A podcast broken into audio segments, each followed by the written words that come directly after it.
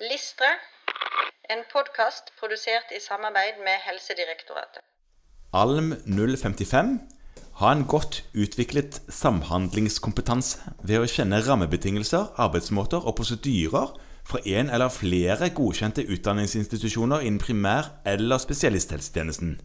Det er en tung tekst, altså. Ja, den er ikke helt klokkeklar, intuitiv, hva det egentlig er vi skal konsentrere oss om her. Nei, og tenk tenker at vi skal brekke det litt ned. For det første er at det sier at man skal ha en godt utviklet samhandlingskompetanse. Ja, og Det har vi vært innom mange ganger nå. Vi er nødt til å ta inn over oss at vi er en brikke i et større apparat. Vi Ja. jobber ikke i et vakuum. Ja, og så sier læringsmålet videre at det skal man ha ved å kjenne rammebetingelsene, som jo er et viktig begrep. Altså hva er de praktiske, økonomiske, organisatoriske forutsetningene for noe? Arbeidsmåtene, altså hvilke måter noen, hvilke metodikker, hvilke fora, hvilke måter noen jobber på. Ideologien deres. Ja, Ja. eh, og prosedyrer som er enda mer hands on praktisk. Hvordan skjer dette? Hvordan skjer dette? Ja.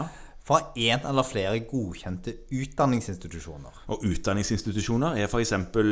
de fleste kommunene rundt omkring nå som har hatt utdanningsansvar for uh, Ja. LIS3-kandidater. Ja. Og på sykehusnivå, for det står jo både primær- og spesialisthelsetjenesten. Ja. Og i spesialisthelsetjenesten da er det jo ofte universitetssykehusene Ja, rundt omkring. som er godkjente utdanningsinstitusjoner. Og- Og, selvsagt alle forsknings... Altså ikke alle, men, men alle universiteter og veldig mange sånne Ja. større forskningsenheter har også godkjenning som utdanningsinstitusjoner. Og andre, sykehus, eh, andre sykehus har jo òg Det trenger ikke være universitetssykehus, Nei. men ikke alle fagfelt. Nei, sånn at det man skal på en måte prøve å sette seg inn i her og tenke, er at man, man skal ha en godt utviklet samhandlingskompetanse for å bli fastlege. Det er det overordna det viktige. Og så skal man bruke kunnskapen om utdanningsinstitusjonenes arbeidsmåter til å lære seg dette. Ja. Og det er jo fordi at eh, det i det arbeidet med å være en utdanningsinstitusjon ligger en nødvendig samhandling med mange andre faktorer som man kan ta med seg i denne læringen. Og at utdanningsinstitusjonen har et stort ansvar for å være en samhandlende enhet. Ja visst. Ja. Nå er det sånn at det er ganske nytt dette at mange av disse enhetene har blitt utdanningsinstitusjoner. Ja, det ble jo noe nytt når de nye forskriftene kom i 2019. Ja. ja. Og det gjør at utviklingen av interne prosedyrer og arbeidsmåter og de individuelle rammebetingelsene vil være svært varierende.